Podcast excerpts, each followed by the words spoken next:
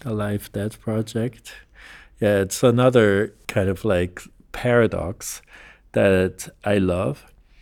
Um, live records by dead people. It's as, as simple as that.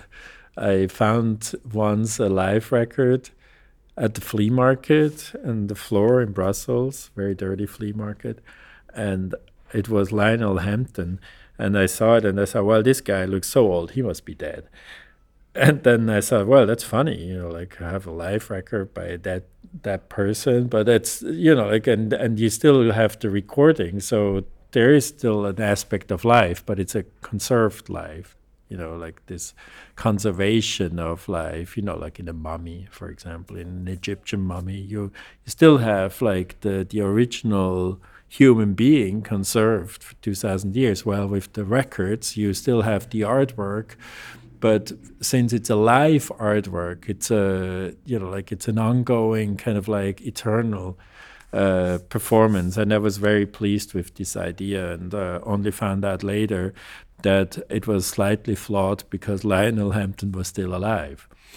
But of course, I then had already started the project and I found other people, many other people who were already dead. You know, like, I mean, Jim Morrison, Janis Joplin, uh, Jimi Hendrix, uh, Tim Buckley, John Lennon, all these great stars who were very important who are still very important for me because I'm a big fan of music and I'm a collector of music as well. So in a way, this life dead paradox, it's a little bit like constructing destruction, life dead. And it gave me also a reason to basically go to record stores while I was working, you know, kind of an excuse to, oh, let's go to a record store and see if the, if I can find more records for my project, which of course translated into like I spent like days in record stores with you know checking out music.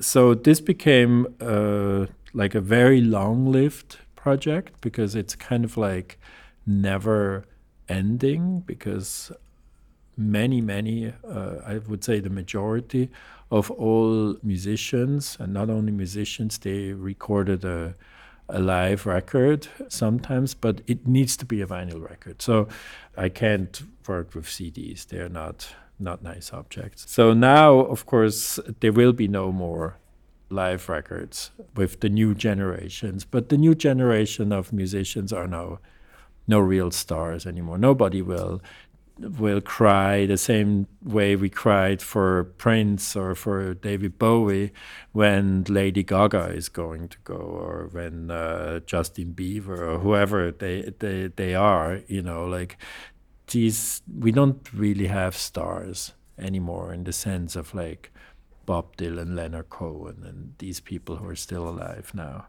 So I for that project I kind of like have the collection, which is 270 records right now of dead people, and I also have the upcoming people already collection uh, collected. So like I have the live record by Bob Dylan, I have the live record by Leonard Cohen, and I had the record already ready for Frank Zappa and and these people who died while I was doing the project. It's my oldest project. I started it in 91. It, I started it even before I started to work with disasters.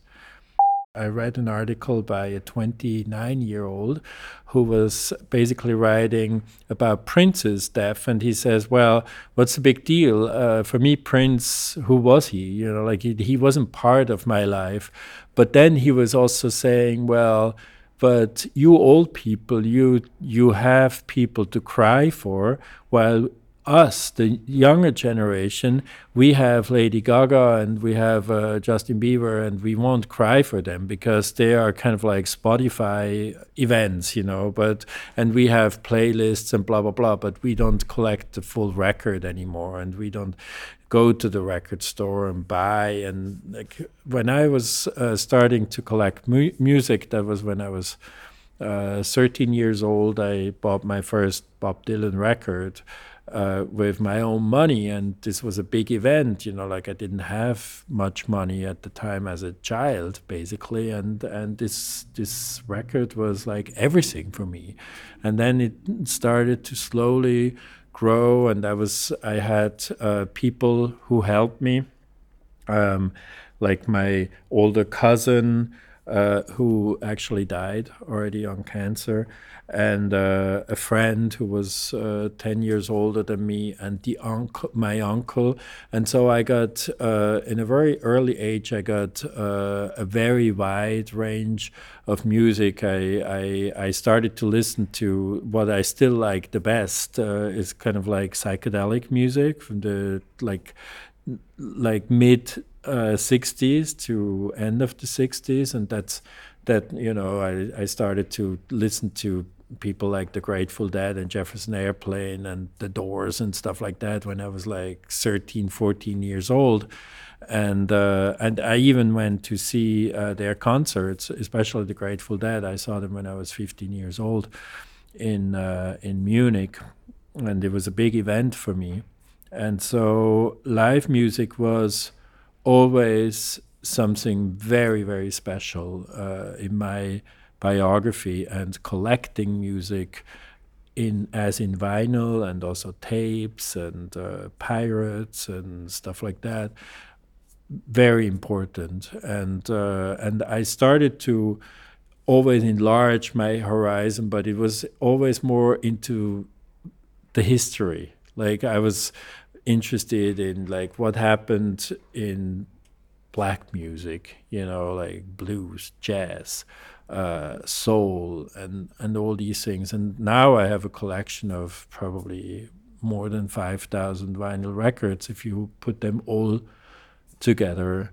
But I I can still kind of like track back the, the, the history of the collection. I know which records came first and and yeah. So for me this was important and the Live Dead record collection kind of reflects that you know like that wide range of people that I'm interested in and uh, and ironically it's not even the music I like best I, I'm not such a big fan of a live record because usually the I, I think the studio is still the better place uh, to record music with very few exceptions I'm always the live record was was I'm I'm never a big fan of that and uh, and uh, I rarely ever listen to my collection of of live records.